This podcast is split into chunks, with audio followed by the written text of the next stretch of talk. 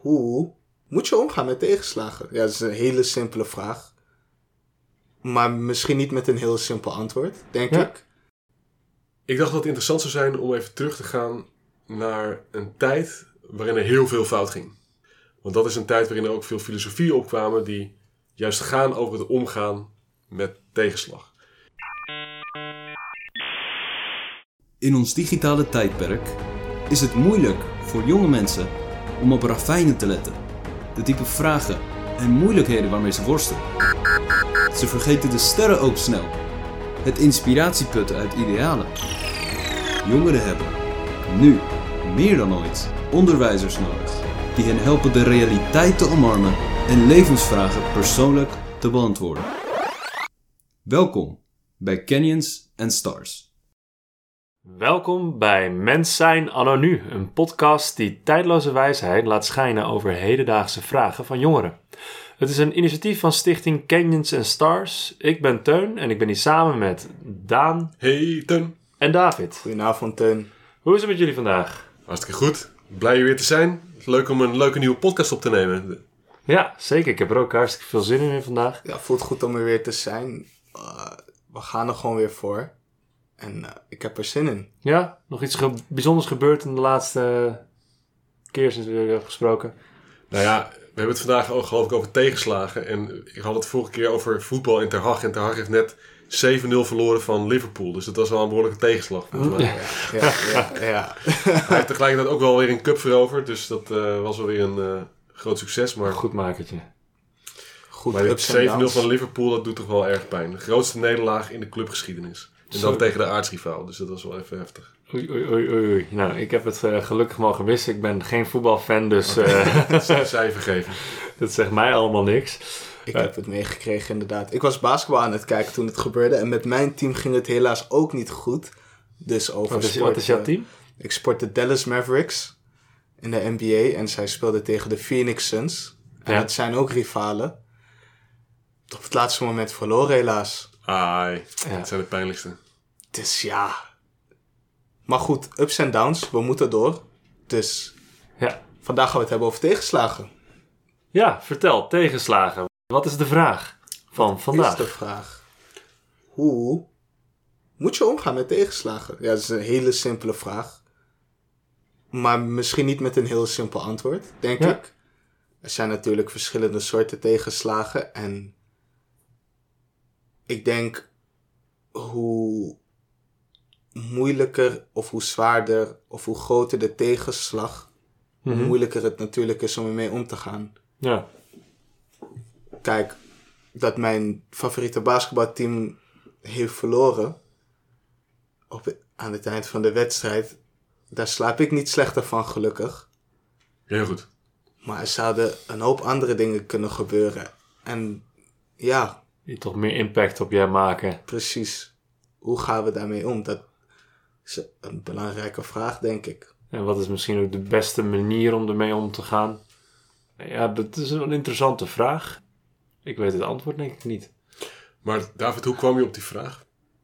We hadden het over, denk ik, vragen die spelen bij jongeren. Ja, ja. En waarom denk je dat dit nou een vraag is die in het bijzonder speelt bij jongeren? Want het, het was wel iets waar je snel opkwam, volgens mij. Ja, oh ja, ja, nu je het zegt. Ja, klopt. Het is natuurlijk alweer een tijdje geleden dat we hierover hebben gebrainstormd. Maar ja, nu je het zegt, ik denk dat tegenslagen, wat ik net ook zei, ze komen natuurlijk voor in verschillende ordes van grootte. Mhm. Ja. Dus daarom denk ik dat ze er ook altijd zijn. Maar juist die verschillende ordes van grootte, denk ik. Ik denk dat dat iets is wat het moeilijk maakt. Kijk, als ik nu meteen stoot, bijvoorbeeld, kan dat een tegenslag zijn en dan kan ik daar heel makkelijk mee omgaan. Ja.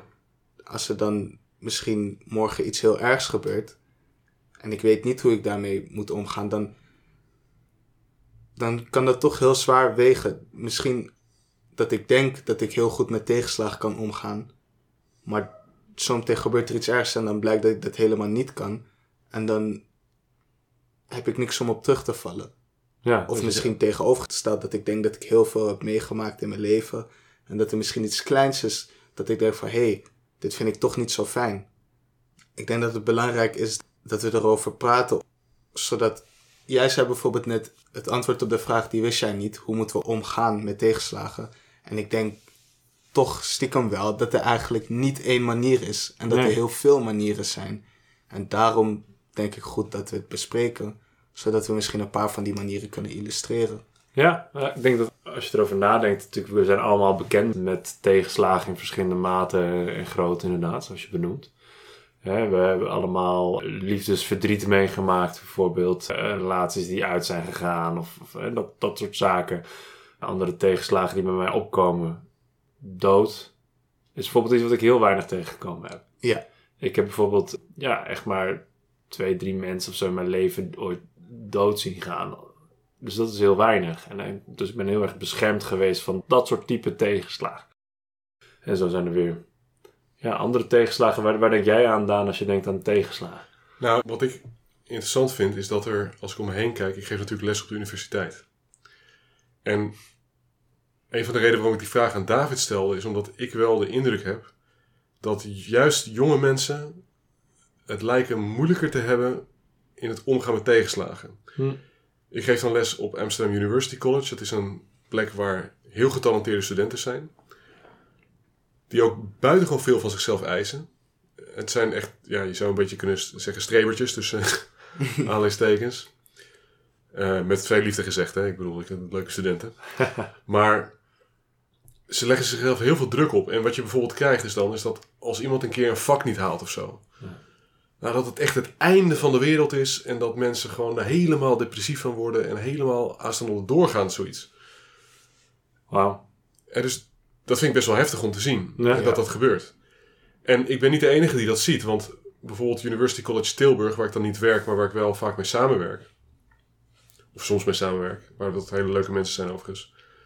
Die hebben een heel project opgetuigd. Dat heet het Resilience Project. Ofwel het Weerbaarheidsproject. Ja.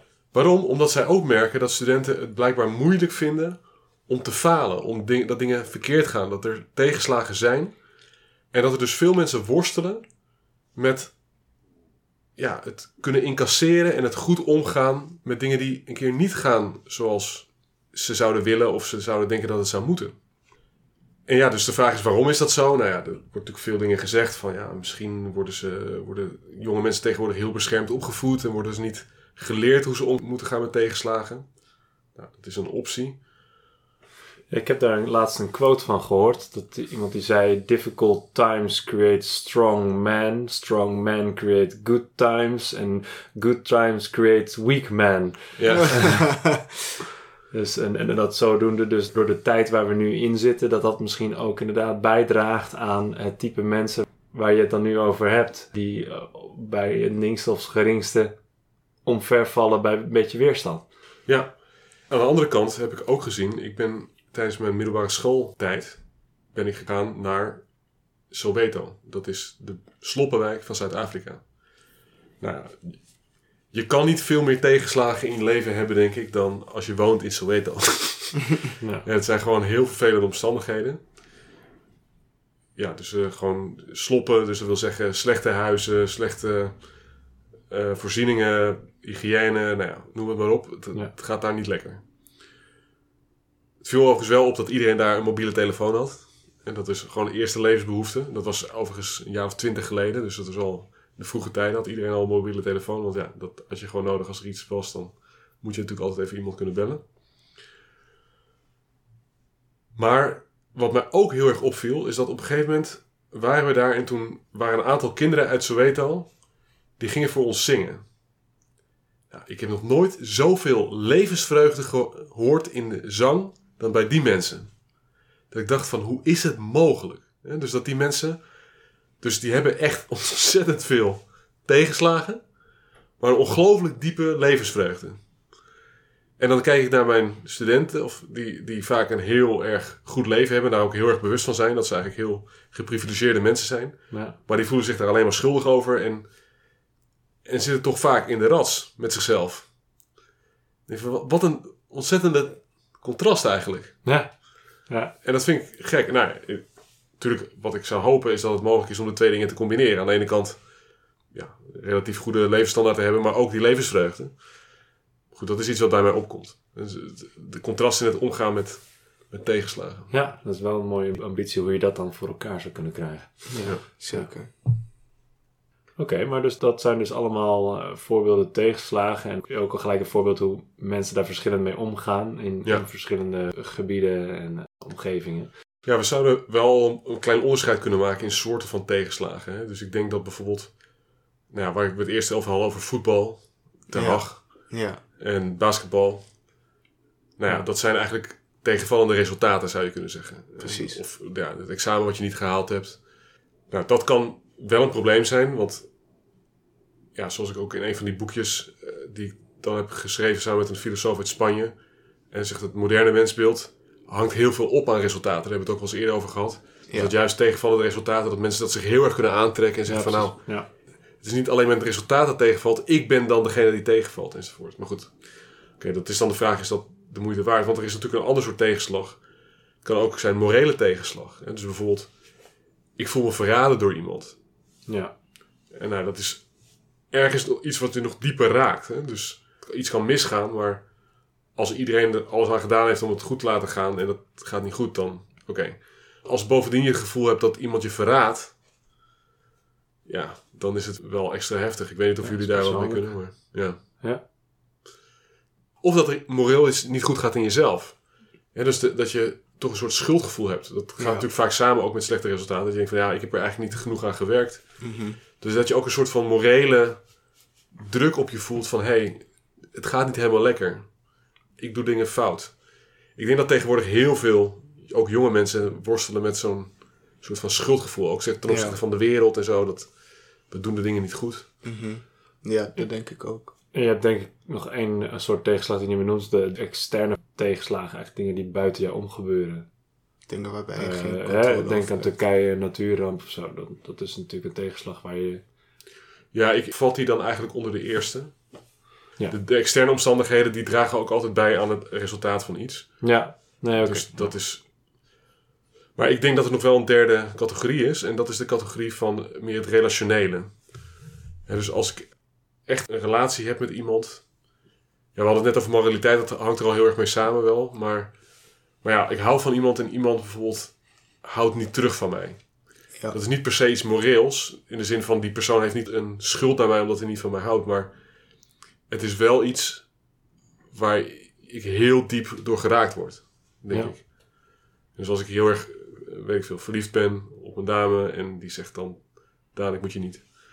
Nee. dat, dat Ja. is gewoon heel erg pijnlijk. Dan word je niet beantwoord in jouw Nee. eh, gevoel. Nee. Dus dat zijn relationele tegenslagen en dat denk ik dat die eigenlijk misschien nog wel de diepste kunnen zijn. Ja. Oké. Nou ja, ik denk dat we nu hebben wel een beetje een beeld van wat voor tegenslagen er zijn. We hebben wat voor types we hebben. Het is mee ons verdeeld in drie verschillende. Eh nou ben ik ook wel benieuwd naar de filosofische blik hierop. Ja. Eh, hoe wordt er vanuit de filosofie gekeken naar tegenslag? Ja, dat is interessant. Er is best wel veel over te zeggen. Ik dacht dat het interessant zou zijn om even terug te gaan naar een tijd waarin er heel veel fout ging. Want dat is een tijd waarin er ook veel filosofieën opkwamen die juist gaan over het omgaan met tegenslag. En de tijd waar ik het over heb is de Hellenistische tijd. Hm. De Hellenistische tijd is de tijd waarin Alexander de Grote bezig was om heel veel terrein te veroveren. Ja. En dus de Griekse cultuur breidde zich heel erg uit. Dus je zou kunnen zeggen, nou, tijd van groot succes. Maar natuurlijk ook een tijd waarin heel veel structuren die er gewoon waren, opeens omver werden gegooid. Dus het was ook een tijd van heel veel onrust. Heel veel sociale verandering, heel veel onzekerheid. Nou, probeer maar eens om zo'n tijd om een beetje lekker in je vel te zitten. Dat is niet zo simpel natuurlijk. Als er zoveel om je heen gebeurt. Nou, wat grappig is, is dat in die tijd er dus verschillende filosofische stromingen opkwamen. En ik wilde eigenlijk drie even bespreken. En voordat ik die bespreek, wil ik zeggen dat ze alle drie hetzelfde doel hadden. En het doel is het Griekse woord van ataraxia. Nou is mijn Grieks niet heel geweldig, dus ik weet niet of ik het goed uitspreek. Maar Ja. ataraxia, ja, dankjewel. Teun. Ataraxia wil zeggen eigenlijk de innerlijke rust. Dus dat je van binnen die rust kan bewaren. En de grap is dat die drie filosofieën dat op heel verschillende manieren doen. Oké. En wat ik dan interessant vind om eens even te kijken met onder ons van... is dat nou iets waar we aan kunnen relateren? Hè? Dus die innerlijke rust. En de eerste filosofie is die van de sceptici. De sceptici die zeiden van nou, hoe kunnen we komen naar innerlijke rust? Door ons eigenlijk gewoon een beetje te onthechten van ons eigen denken. Niet te, denk, niet te willen denken dat wij het allemaal beter weten. Of dat andere mensen het beter weten. Kijk, de dingen zijn zoals ze zijn en we gaan daar niet heel veel van vinden. Ons denken kan ons daar niet heel veel verder in helpen. Dat is wel grappig, want als je zegt sceptici, dan denk ik automatisch aan mensen die juist wel heel erg een mening over hebben en Ja. heel erg tegen, tegen bewegen. Maar jij zegt juist, de sceptici van vroeger, dat had een hele andere connotatie. Nou, ze waren dus sceptisch over de kennis zelf, zou je kunnen zeggen. Hmm. Klinkt logisch aan, eh, nu, nu je het zo zegt. Het is overigens een heel belangrijke beweging geweest ook in de geschiedenis van het denken. Want in de natuurwetenschappelijke methode zit heel veel sceptisch. In de zin dat je gaat niet in eerste instantie, als je iets zomaar observeert, ga je niet zeggen, oh dat is ook gelijk zo. Nee. Dus je gaat eerst even een stapje terugzetten en zeggen van nou, is dat wel zo? En gaan we, moeten we het eerst even onderzoeken. Dus dat is die sceptisch waar ik het al over heb. Dus Ja. niet gelijk volledig vertrouwen op het eerste wat je te binnen schiet. Ja. En voor hen was dat dus een weg naar die ataraxia, naar die innerlijke rust. Kunnen jullie daar wat mee? Dat idee van als je een klein beetje je onthecht van je eerste indrukken, van wat je denkt dat waar is, is dat zo dat dat daar een zekere rust toe leidt? Dit doet me gelijk denken aan het internet. Af en toe heb ik wel eens een meme gezien. Ja. Grappige dingen. Je hebt het in het Ne- Nederlands, de EWA-mentaliteit. En in het Amerikaans, als een meme, it is what it is. Hè? Het, het is wat het is. Je, je trekt je handen ervan af. Wat gebeurd is, is gebeurd. Ja, Wat kan je er dan nog eigenlijk aan doen? ja. ik denk wel dat het af en toe zeker rust kan geven. Als je het goed beseft, goed tot je laat doordringen dat wat nou eenmaal gebeurd is, is gebeurd. Dan denk ik oprecht dat het rust kan geven, inderdaad. Het is wel Wel grappig. dat bij mij het iets heel anders denkt. Want ik zit in de wetenschap te denken. Als sceptici. Ook dat je juist... We hebben deze huidige tijd ook heel veel een wetenschappelijke houding naar dingen. Ja. Eh, van, eh, in plaats van je eigen mening en dingen. is, Oké, laten we eerst even kijken wat de wetenschap hierover zegt. Of, Ja. hè, als we het bestudeerd hebben, wat dit dan is. Dus ik denk dat het wel iets is wat nog heel erg ook leeft. Deze houding van die sceptici. Ja, precies. Maar ja, om nog iets anders te zeggen, bijvoorbeeld, je krijgt de hele tijd nieuws op je af.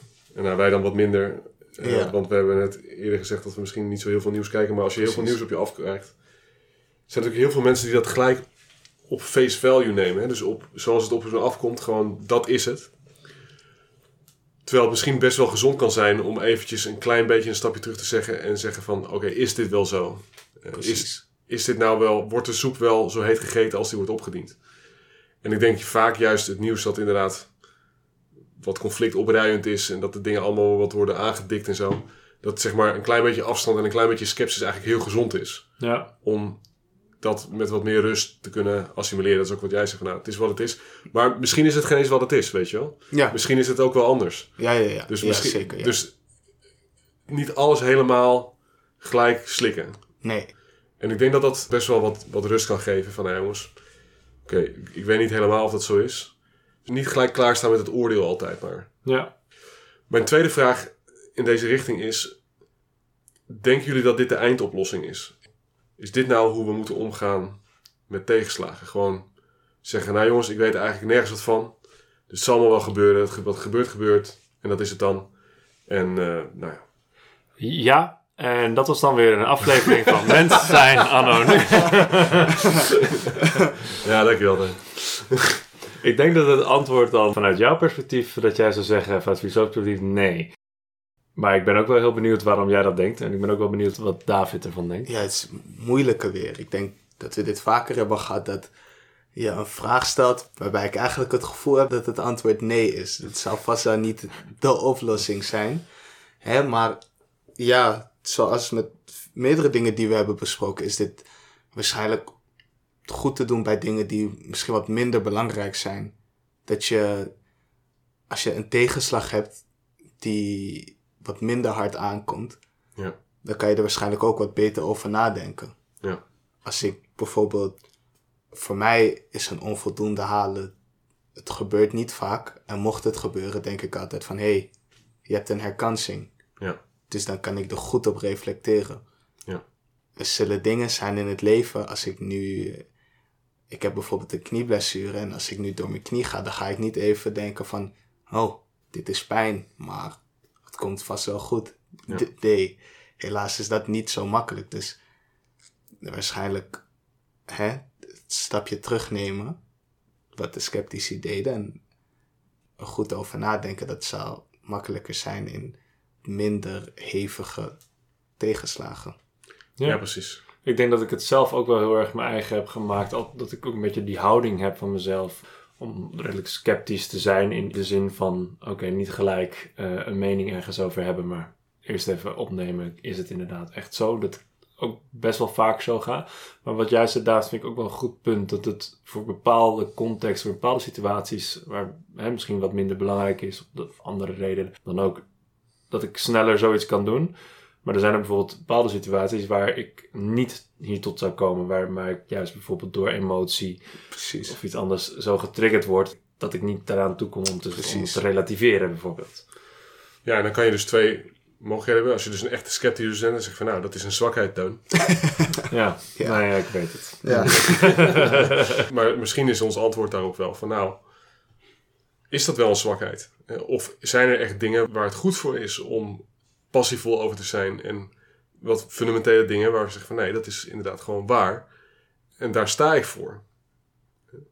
Dus nou ja, oké, ik, ik parkeer dat eventjes. Ja. Ja. Maar dat is dus een mogelijk antwoord op die vraag. Laten we even doorgaan naar de volgende groep van filosofen, school van filosofen. En dat zijn de epicuristen. En die hebben ook een manier om de ataraxia te bereiken, de innerlijke rust. Maar het is heel anders.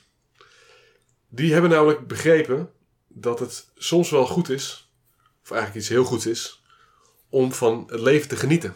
Hmm. Dus die zeggen van ja, hoe vind ik nou rust? Nou, door gewoon op een goede manier van het leven te genieten. En het interessante is dat het voor hun echt wel is op een goede manier. Ze zijn wel wat je dan noemt hedonisten, dus mensen die voor wie het leven draait om zeker genot. Maar niet alle soorten genot zijn even goed. En daar hebben ze heel goed over nagedacht. Dus ze zeiden bijvoorbeeld, Epicurus zei bijvoorbeeld, de hevige genotten, dus bijvoorbeeld de voetbalwedstrijd die helemaal, oh, helemaal voor gaat, of ja, weet ik veel, ik ga aan de drugs en ik ga, of ik ga hevige, ik ga naar de discotheek en ik word helemaal extatisch en dat, dat soort dingen. Ze zeiden van ja, dat is vaak op de korte termijn wel eventjes leuk, maar op de lange termijn is het helemaal niet zo leuk.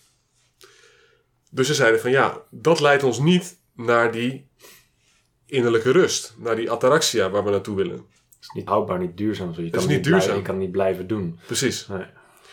Dus zij waren op zoek naar wat is nou een duurzaam geluk. Wel hier op aarde, hè, want ze waren niet heel transcendent. vrij materialist. Ja.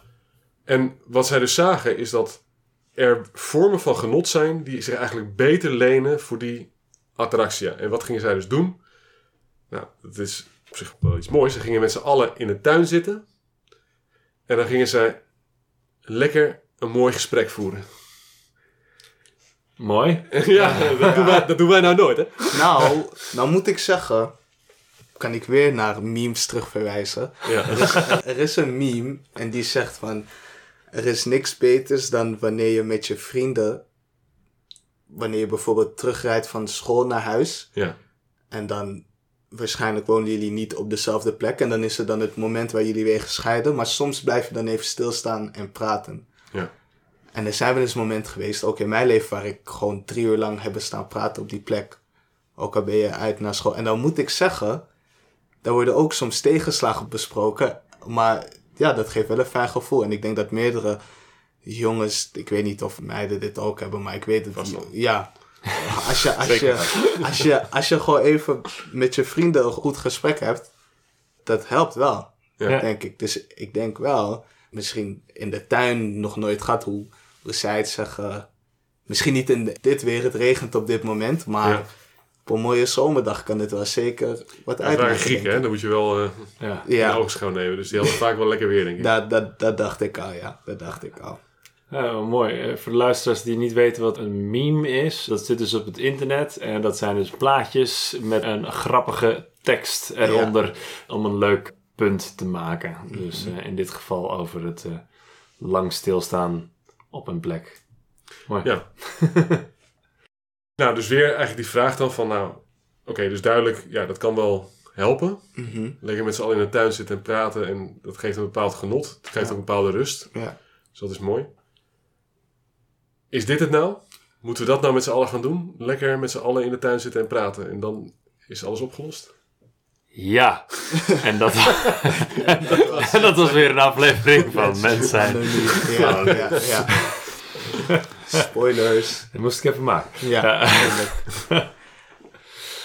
Nou ja, laten we er niet heel lang over doorpraten. Ik denk dat, ja, tenminste voor mij is het wel helder dat als iedereen dat zou doen, dat is een beetje meer een Kantiaanse aanpak, maar wat zou er dan gebeuren als iedereen dat zou doen? Ja, dan kunnen we onze maatschappij wel eh, gedag zeggen, want dan gebeurt er gewoon niks meer. Dan zitten we alleen maar Nee, met elkaar te praten in de, in de tuin. En Ja. Dus het is wel een belangrijk inzicht, denk ik, maar het is ook weer niet 100%. alles. Nee. Nou, dan komen we nog naar de laatste toe, en dat is ook een heel interessante, en dat zijn de Stoïcijnen. Aha. En de Stoïcijnen zijn een beweging van mensen die ook iets hebben ontdekt. En dat is eigenlijk dat je tegenslagen in eerste instantie diep moet accepteren. Ja. Zij waren ook materialisten en ze zeiden van nou, er is gewoon iets als een lot. Het lot gebeurt ons gewoon en we moeten dat accepteren. En als het accepteert, dan komt het tot rust in zekere zin. En dan, daarna wat je kan doen, is proberen een zo goed mogelijk mens te zijn. Dus dat was hun oplossing. Hun oplossing was eigenlijk de oplossing van de deugd. En dat was natuurlijk een klassiek begrip. Wat betekent de deugd? Je hebt een bepaald ideaal. Dus bijvoorbeeld, ik wil rechtvaardig zijn. En ik ga dus proberen om er alles aan te doen om zelf een rechtvaardig persoon te worden. Ik accepteer dat dingen niet helemaal perfect zijn, maar ik ga er alles aan doen om van mijn kant rechtvaardig te zijn. Of geduldig te zijn. Of, nou ja, noem het maar op, sterk te zijn. Ja. allemaal van die klassieke deugden. Die zij zeiden van, als je dat maar doet, als je daar echt voor gaat, dan zal je ataraxia hebben. Dan zal je die innerlijke rust hebben. Wat denken jullie daarvan? Nee, nee, nee, ik denk niet dat dat het is. Ah, jammer. Ja, maar ik moet wel zeggen dat, dat me dat wel heel erg aanspreekt. En eigenlijk spreekt het me alle drie wel heel erg aan. Ja. Moet ik zeggen. Het zijn alle drie wel dingen die je heel erg herkent. Hè? De ene kant soms eventjes een stapje terug en laten we even naar de feiten kijken, zoals eh in het zei. Andere kant lekker in de tuin met elkaar praten. Het zijn allemaal elementen die in het leven die je allemaal herkent en tegenkomt. Ja. En zeker ja, een goed mens willen zijn en dat ambitiëren en, en daar kiezen om daar zelf verandering in te brengen, zelf de stap in te zetten. Dat is natuurlijk heel herkenbaar. En ook iets heel erg wat we terugzien, bijvoorbeeld in, ook in het geloof. Heel veel van dit soort elementen, dat je denkt, er zit ook een overlap in. Hoe geeft het jou rust? Want jij zegt ik herken het. Dus dat wil zeggen, denk ik dat jij ook wel bezig bent geweest met Nou, het geeft het werken naar idealen. Ja, ik denk dat het me zeker rust geeft. Want als je ergens naartoe streeft en je probeert het goede te doen, dus dat is het idee, je probeert het Ja. goede te doen. Dus bijvoorbeeld rechtvaardig zijn, dat als je dat gaat doen, dan ben ik goed bezig.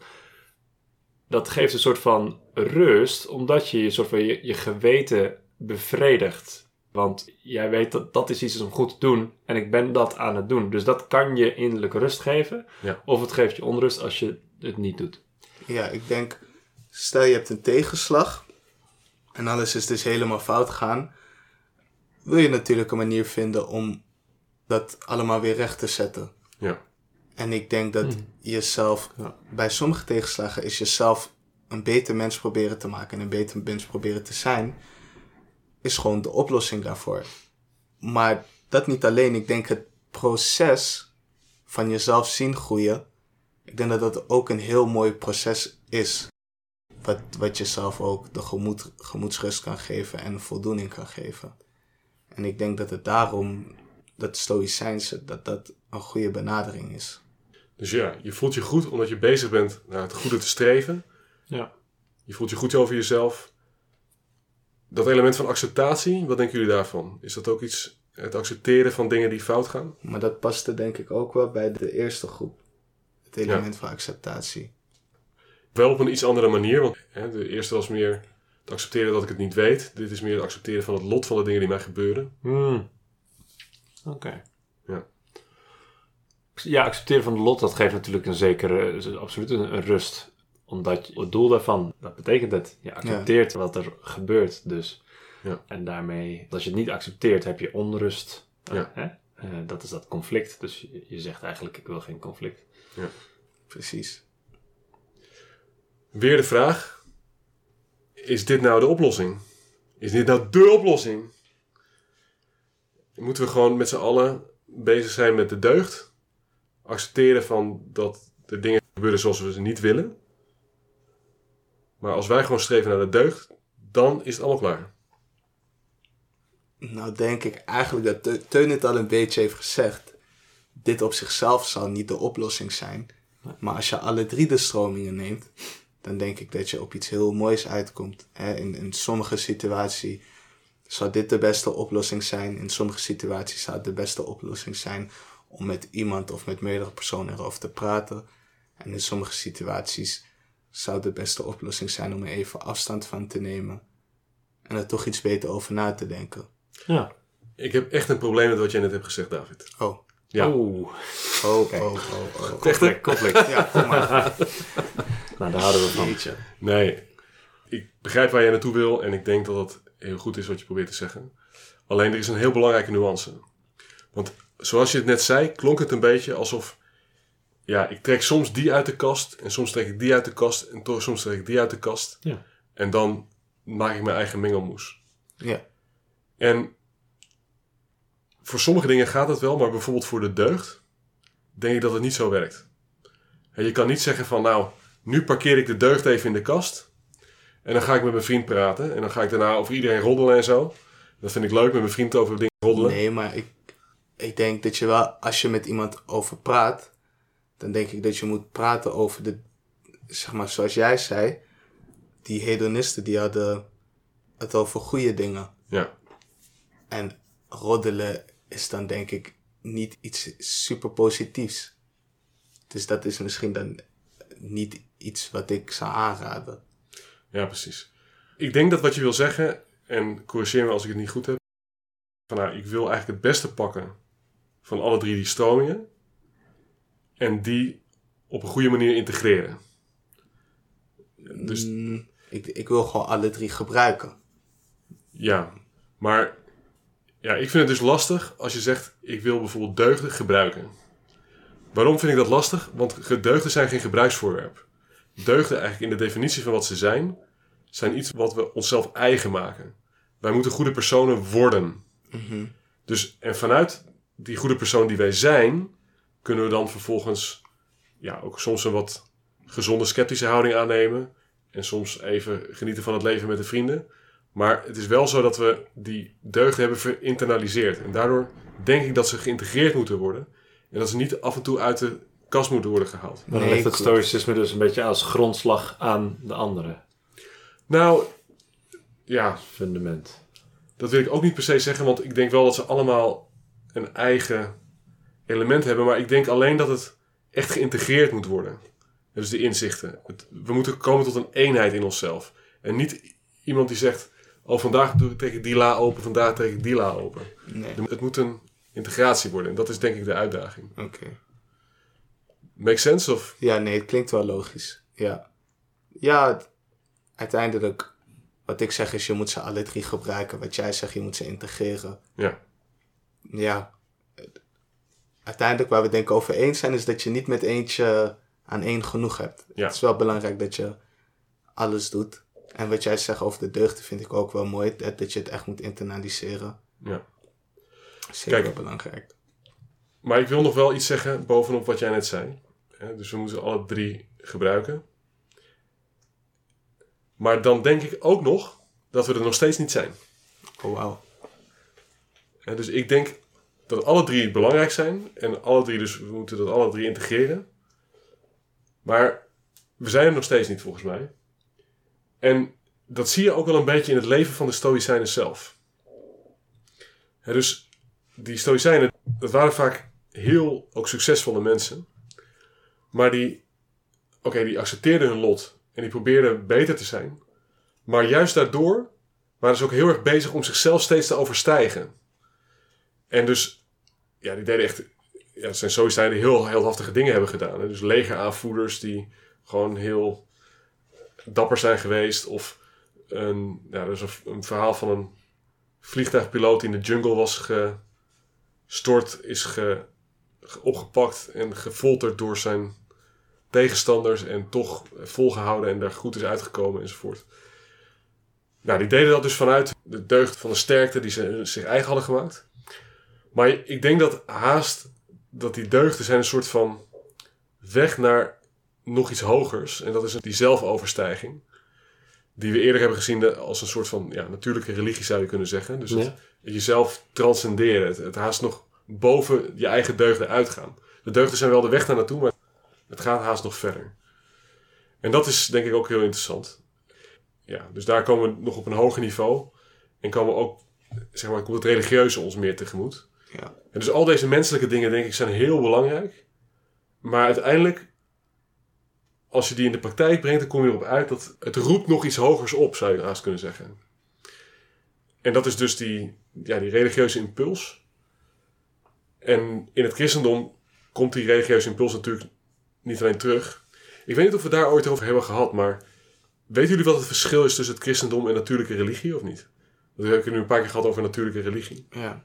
Nou, ik zou niet zeggen dat ik dat helemaal weet. Ik kan erover nadenken. En hè, christendom is natuurlijk het volgen van Jezus Christus. Dus daar de kern Ja. in. En, en eh, naar mijn inziens, als je zegt natuurlijke religie, dan ehm doe me denken aan de Bijbel en Romeinen, denk ik dat het staat, waar dat ook naar verwezen wordt van dat je door de natuur ook God kan leren kennen.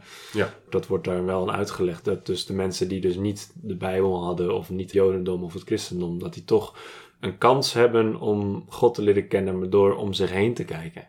Ja. Dat weet ik wel vanuit de Bijbel. Ja, dus dat is één ding. En dat wordt ook wel natuurlijke theologie genoemd. Het kunnen nadenken over de wereld om ons heen en zo naar God toe komen. Dat is mooi. Maar natuurlijke religie zit denk ik nog meer in. Dat is dus ook die impuls ja, om ons, dus onze zwakheid te overstijgen, om daar verder in te gaan. Hmm. Om dat te overwinnen. Ook om hulp te vragen, om verlossing te vragen. En Ja. dus om ja, zuivering te vragen. Mooi. Bijvoorbeeld in wat je wel ziet in het boeddhisme is dat mensen heel erg bezig zijn om zichzelf van binnen te zuiveren. En ik denk dat de goede stoïcijn dat ook wel zal hebben. Hè? Dat idee van ik wil de beste versie van mezelf zijn, maar ik kom dingen in mezelf tegen waar ik eigenlijk geen vat op heb. Ja. En wat je dus ook heel erg ziet in die oude heidense religies, is dat je hebt heel veel goden. Nou, je hebt bijvoorbeeld Venus, dat is de god van de liefde. Ja. Wat betekent dat? Waarom is er Venus en waarom gaan mensen offers brengen aan Venus? Nou ja, er is een kracht van de liefde in ons die we gewoon niet helemaal zelf kunnen beheersen. Dat overstijgt ons. Dus die kracht, ja, daar moeten we wat mee. Nou ja, dat is dan maar die godin Venus. En die moeten we maar tevreden zien te stellen, zodat die mij met rust laten of in ieder geval maar op een goede manier bejegent en niet maar in de sloot helpt. Ja. En dus het is ook een manier van omgaan met onze eigen zwakheden. En het is dus ook een soort van zoektocht naar het hogere dat ons daarvan kan verlossen. Dat ons, dat ons beter kan maken dan dat we al waren. Nou, dus dat is de natuurlijke religie. De zoektocht van de mens naar God. Intellectueel, maar ook existentieel. En Dus hoe we leven, hoe we zijn. Het christendom is echt het tegenovergestelde daarvan. Niet in de zin van dat het het andere slecht vindt. Maar dat de beweging andersom is. Dus de natuurlijke religie is de beweging van de mens naar God toe. En het christendom is in eerste instantie de beweging van God naar de mens toe. En dus Jezus is de zoon van God, God zelf die mens wordt, om ons te laten zien wie God eigenlijk is. Een beetje een probleem van de christelijke samenleving waarin we zitten, is dat we, we zijn in zekere zin een beetje lui geworden. En dus God is zo goed met ons, er komt zoveel naar ons toe, dat we wel eens vergeten om hem ook te zoeken. Ja. En dat is dus een probleem, want juist die natuurlijke zelfoverstijging, het jezelf telkens verbeteren en proberen het beste van je te maken en naar het hogere te gaan. Ja. Dat is eigenlijk heel erg belangrijk, ook voor die relatie met God, ook in het christendom. Maar goed, snap je het verschil een beetje? Ja. Ja, Ja, helder. duidelijk uitgelegd inderdaad. Oké. Nou, ik denk dat. We hebben het net gehad over twee vormen van acceptatie. Ja. In het christelijk denken is er ook een vorm van acceptatie. Maar wat is nou de hoogste menselijke eigenschap in het christendom? De hoogste deugd, zou je kunnen zeggen. Naast de liefde. Ja, ik wilde ook liefde zeggen eigenlijk. Ja. Dus liefde inderdaad. En dan liefde tot de naaste. En natuurlijk liefde tot God. Hè? Dat is Ja. het, het eerste gebod. Het punt is het volgende. Dat het hoogste in de mens is het vermogen om lief te hebben. Maar we hebben net gezegd, in het christendom is het zo dat God naar ons toekomt. Nou, er is een mooi liedje over liefde. Dat citeer ik altijd, want ik vind het een heel mooie tekst. You can't hurry love. No, you just have to wait. Love don't come easy. It's a game of give and take. Het is een oud liedje uit de jaren 80 volgens mij. Mhm. Wel bekend of... eh, Zeker niet. Nee? Nee? Jongens, Love don't come easy. It's a game of give and take. ja, nee, 2002 hè. Dus, oh, echt waar? ja, je luistert ook nooit naar Radio 10. eh. nee, nee, nee, Oh, klopt. Oké, nou ja. Oude cultuur. Ik ben dus een oude zak te blijven. Maar goed, anyway, maakt niet uit. Maar ik ken het ook, wat je nooit. Ja, heel goed. eh. nou, het punt is, it's a game of give and take. En dat is heel mooi, heel mooi uitgedrukt. Want inderdaad, dat is waar. Dus liefde is iets dat je geeft en liefde is iets dat je ontvangt. Wat is nou voor een christen het hoogste?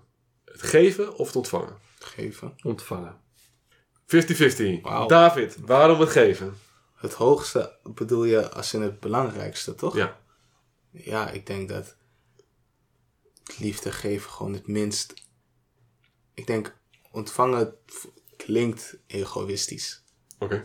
En dat hoeft het natuurlijk niet te zijn hoor. Maar ik denk dat het belangrijk is dat je de liefde geeft omdat je er meer mee bereikt, letterlijk. Ik kan liefde geven aan iedereen op de wereld. Eén voor allen. En als ik het ontvang, dan gaat het allemaal naar mij. Dus ik denk gewoon dat je daar meer mee bereikt. En dat het daarom misschien ook iets mooier is om liefde te geven. En ook wat makkelijker, want je hebt het zelf in de hand hoeveel liefde je geeft. Ja. Maar ja, goed, eh Teun denkt daar dus anders over. Ja, ik doe me denken aan een quote van Christopher West. Die zegt dat vaak. Ook een hele mooie podcast die ik kan aanraden. Ask Christopher West. Dat hij samen met zijn vrouw, Wendy West. Ja. Zij zeggen altijd, je kan niet zeggen tegen God... God is altijd eerst als je zegt, I love you. Je kan alleen maar zeggen, I love you too. Tegen God. Kortom, nog één keer herhalen. Hij zegt, je kan niet tegen God zeggen, I love you, maar alleen I love you too. Want God was altijd eerst. Mhm. En ik denk dat God ons heeft gemaakt om zijn liefde te ontvangen. En ik denk dat het daarmee begint.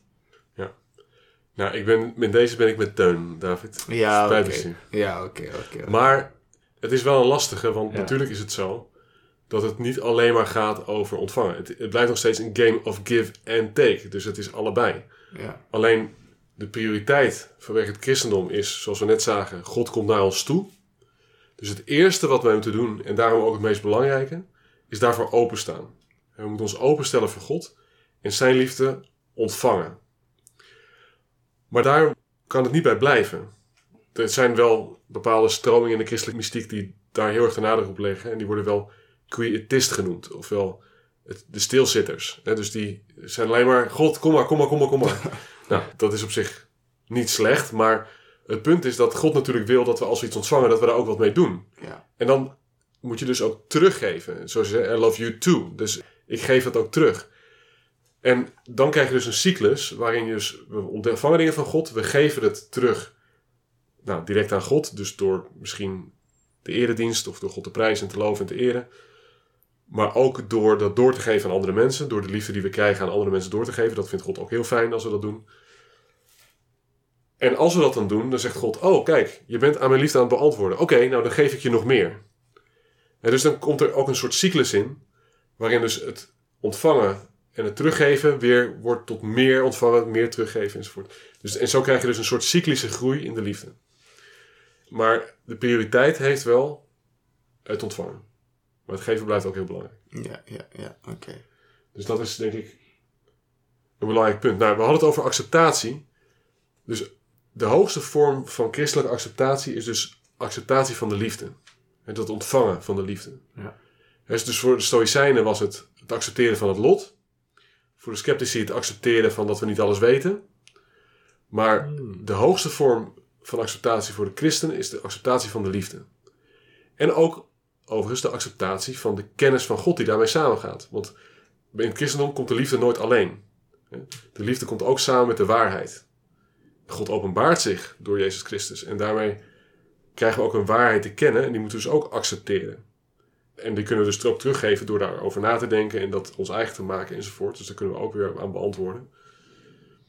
Dus er zijn verschillende aspecten van dat met God zijn. Waar liefde en waarheid samen gaan. maar Die, die we dus moeten accepteren. Maar liefde is inderdaad nog het hoogste. Overigens met die dingen. Er zijn drie hoofddeugden. Dat is Geloof. hoop en liefde. Dus geloof is dus die kennis waar we het over gehad. We hebben het over liefde al gehad. Hoop is ook het hoop om te kunnen samen zijn met God. En om, om God, ja, dat als wij onze vrijheid goed gebruiken, dus dat heeft ook iets te maken met vrijheid, maar dat we wel onze vrijheid goed gebruiken en dat we uiteindelijk weer in de eeuwigheid met God kunnen samen zijn. Dus die liefde, samen zijn, vrijheid, kennis, die komen allemaal samen eigenlijk in dat christelijke denken. En die moeten we allemaal dus accepteren. Maar de hoogste acceptatie is dus die van de liefde. Oké. Alright. Ja. Zegt dat jullie iets? Of? ja, ik denk het wel. En ik denk ook vooral hè, dat, dat je dan alles kan combineren om dan toch om om te gaan met de tegenslagen natuurlijk. Want dat is waar het allemaal om ging. Ja. Nou ja, weer denk ik dat inderdaad het grote voorbeeld is uiteindelijk weer het kruis van Jezus Christus. Ja, we hebben het er eerder over gehad Ja. in de vorige podcast. Maar ja, dat is natuurlijk de grootste tegenslag die je maar op je kan nemen. Maar als je dat dus doet uit, nou ja, dus al die dingen die we hebben besproken combinerend. Nou goed, het is niet heel erg in een tuin gaan zitten met vrienden praten. Nee. Maar Christus doet het wel uit liefde voor zijn vrienden. Ja. het kruis dragen. Hij doet het ook. De slechte dingen van de wereld neemt hij niet zo serieus op een of andere manier. Want hij wil dat toch overstijgen. Ja, precies. En hij wil toch het allerbeste doen wat hij kan doen. Dus de hoogste deugd. En dat is uiteindelijk dus de deugd van de geloof, hoop en liefde. En het her- herstellen van de relatie met God. Dus Ja. Christus die neemt al die menselijke goede dingen mee. Maar hij overstijgt ze nog en neemt ze mee naar het hoogste doel. En dat is uiteindelijk het herstellen van de relatie tussen God en mensen. En tussen mensen onder elkaar. Ja, dus ik, ik weet niet of ik weer te lang aan het woord ben geweest. Maar... Nee, maar ik denk dat het een mooie samenvatting is rondom tegenslag. En dat we nu uiteindelijk uitkomen bij de christelijke versie. Dus niet de filosofische versie, puur alleen de acceptatie van de waarheid. Maar dat we uiteindelijk kijken naar het accepteren van de liefde. Ik vind het een, een mooie start om eh, de tegenslag mee te gaan overwinnen. Ja. Ja, precies. Tegemoet te gaan. En dus wat ik... Nou, de laatste tip die ik weer van mijn favoriete mystica heb. Ze heet Elisabeth en ze heeft me veel geleerd de laatste tijd. Ze zegt van, kijk, we komen heel veel tegenslagen binnen in ons binnenste. Dus bijvoorbeeld, ja, ik voel me gewoon gefrustreerd ergens over. Ze zegt, kijk, je kan het accepteren op twee manieren. Je kan het accepteren gewoon in het algemeen. Oké, ik ben gefrustreerd, nou ja, ik draag dat met liefde en dat is het dan. Dat is goed en dat is niet slecht om dat zo te doen. Maar er is nog een andere manier om dat te doen. En dat is echt daar naartoe gaan. Naar dat gevoel van frustratie. Daar, daar naar binnen gaan. Daarin gaan. En als ik daar ben, dan kan ik vragen van Heer, laat me zien wat hier nou eigenlijk aan de hand is. En dan zie ik van nou, wat hier eigenlijk aan de hand is, is dat ik gewoon echt dat ene doel wilde bereiken, maar dat lukt me gewoon niet. Het lukt me gewoon niet om dat te doen. Mhm. Nou, als ik daar ben en daar echt aanwezig ben, dan kan ik daar dat accepteren. Dus ik ben, dan ga je eerst naar binnen en dan kan ik dat met liefde accepteren. En zeggen van, nou, heer, dat is zo. Het is ook iets wat me gegeven is. Het is bepaalde zwakheid. Ik heb het niet zo gewild. Het is wat er is. Er is een bepaalde wanorde of er is een bepaalde iets wat ik niet helemaal zo wil. Ik accepteer dat uit liefde. En dan kan dat echt ten diepste tot rust komen. Dus bij de eerste oppervlakkige acceptatie is het wel mooi. Ja. Maar dan komt het niet. Dan blijft het ergens wel bestaan. Weet je wel? Je, je leert ermee leven, maar dat is het dan. Ja. En op deze manier ga je er echt naartoe. En dan kan het zelfs ook worden opgelost. Kan het gewoon er zijn. En dan kan het ook zelfs worden verlost. Kan het worden, Mhm. zeg maar, wegvloeien. Omdat je zegt, oké, nee. En je kan ook hulp vragen van God van... Nou, laat ik dat dan gewoon... Dus de, ik ken het alleen in het Engels met transformation, the renewal of our minds, zegt het in de Bijbel. En dat is ook iets wat in de Restore the Glory podcast ook eh, heel vaak benoemd wordt. Nee, ook een aanrader trouwens, Ja. als jullie hier naar luisteren. Als je naar zo'n trauma gaat, of naar zo'n pijn, of naar zo'n tegenslag of frustratie. Go in, but go with him. Ja. Ga erheen, maar ga met Jezus. En dat is precies Ja. wat die vrouw ook zegt. Ja, precies. Ja. Heel mooi. En zo kan je het inderdaad vernieuwen eigenlijk. Hè? Bevrijden. en Verlossen, ja. Verlossen, ja. Mooi. ja, dus dat is op zich nog weer een heel verhaal om daar verder op in te gaan. Maar Goeie voor een volgende podcast. Ja. precies. is heel goed. Moeten we nog verder samenvatten of is het wel duidelijk? Ja, ik denk we hebben het gehad over wat voor tegenslagen hebben we. De drie verschillende tegenslagen die er zijn. Filosofie hebben we ingedoken. De drie, de stoïci, de sceptici en de epicuristen. Ja. Maar ja, we zijn erachter gekomen dat er vanuit het christendom ook een heel mooi alternatief is. Ja, Ja, eigenlijk nog daarop voortbouwt, denk ik, en nog dieper is. Ja, precies. Dus dat is een betere verwoording. Ja, Heel goed. Nou, dan moeten we maar accepteren dat het vandaag het gesprek tot een einde gaat komen. Het zit er weer op. Want onze tuin was wel heel gezellig, moet ik zeggen. ja, ja Absoluut. Zeker. Die hebben toch iets goed te pakken, die epicuristen. Ja. Heel positief. Ja, ja, ja. Misschien weer een wijntje erbij eh, volgende keer. En dan, eh, ja. Zonnetje, veel. een zonnetje meenemen misschien ook. Mooi. Ja, Nou, dank jullie wel. Weer. Ja. Jullie ook bedankt voor een eh, mooie aflevering van Mens zijn anno nu. Dit was Canyons and Stars. Je kunt ons vinden op canyonsandstars.org. Wil je in contact blijven? Ga naar canyonsandstars.org en klik op Doe mee. Of abonneer je op de podcast, want jongeren hebben, nu meer dan ooit, onderwijzers nodig die hen helpen de realiteit te omarmen en levensvragen persoonlijk te beantwoorden. Canyons and Stars. Let's grow together.